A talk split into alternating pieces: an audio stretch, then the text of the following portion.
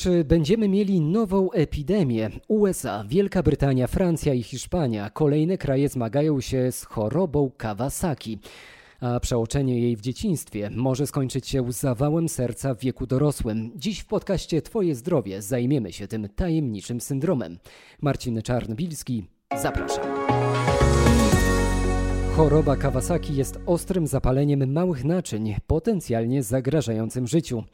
Nie jest wcale rzadką chorobą, a jedynie rzadko rozpoznawaną. Z tym schorzeniem zmagają się pediatrzy na całym świecie, mówi dr Zofia Szymanowska która w Polsce zdiagnozowała pierwsze przypadki tej tajemniczej choroby. Jak ważna jest wiedza na jej temat, może świadczyć fakt, iż dla troje dzieci na 100 kończy się śmiercią, a główną przyczyną zgonu jest zawał serca. Jest chorobą małych dzieci. Rzeczywiście najwięcej e, choruje do piątego roku życia, ale jednak starsze także.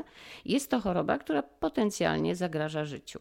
Dane europejskie mówią, że zachorowalność u nas w Europie e, ocenia się 9 na 100 tysięcy. A główne objawy kliniczne choroby Kawasaki to gorączka trwająca powyżej 5 dni, rumieniowa wysypka, zapalenie spojówek, tak zwane królicze oczy, zapalenie jamy ustnej, obrzęk, i zaczerwienienie warg, a także rumień na dłoniach i stopach oraz powiększenie węzłów chłonnych na szyi.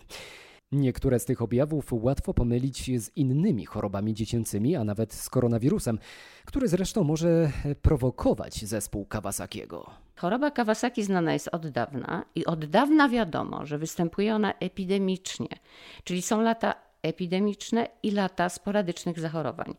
Nikt do tej pory nie zidentyfikował y, y, drobnoustroju, który wyzwala tą chorobę, ale wiadomo, że u dzieci, które są genetycznie wrażliwe, każdy wirus, wirus koksaki, wirus Epstein-Barr, y, wirus grypy, paragrypy, a także bakterie, a teraz COVID może generować u dzieci, jak mówię, genetycznie wrażliwych chorobę Kawasaki. Tutaj jest bardzo ważny apel teraz, e, żeby lekarze e, rodzinni, pediatrzy, zakaźnicy, do których najczęściej te dzieci trafiają z innym rozpoznaniem, e, nie lekceważyli choroby i obserwowali bacznie dziecko, ponieważ COVID może przebiegać jak choroba Kawasaki. A więc może dziecko mieć gorączkę, może mieć wysypkę, może mieć zapalenie spojówek, nieinfekcyjne zapalenie błony śluzowej jamy ustnej i lekarze uznają, że jest to jakaś wysypkowa, gorączkowa choroba wieku dziecięcego albo po prostu wirusowa infekcja covidowa, która jest w tej chwili no, y, rozpowszechniona na całym świecie. Pediatra podkreśla, że czas liczy się nie tylko w wykrywaniu koronawirusa. Przeoczenie objawów choroby Kawasakiego w dzieciństwie może skończyć się poważnymi powikłaniami w wieku dorosłym. Walka z tą chorobą to jest jak wyścig z czasem.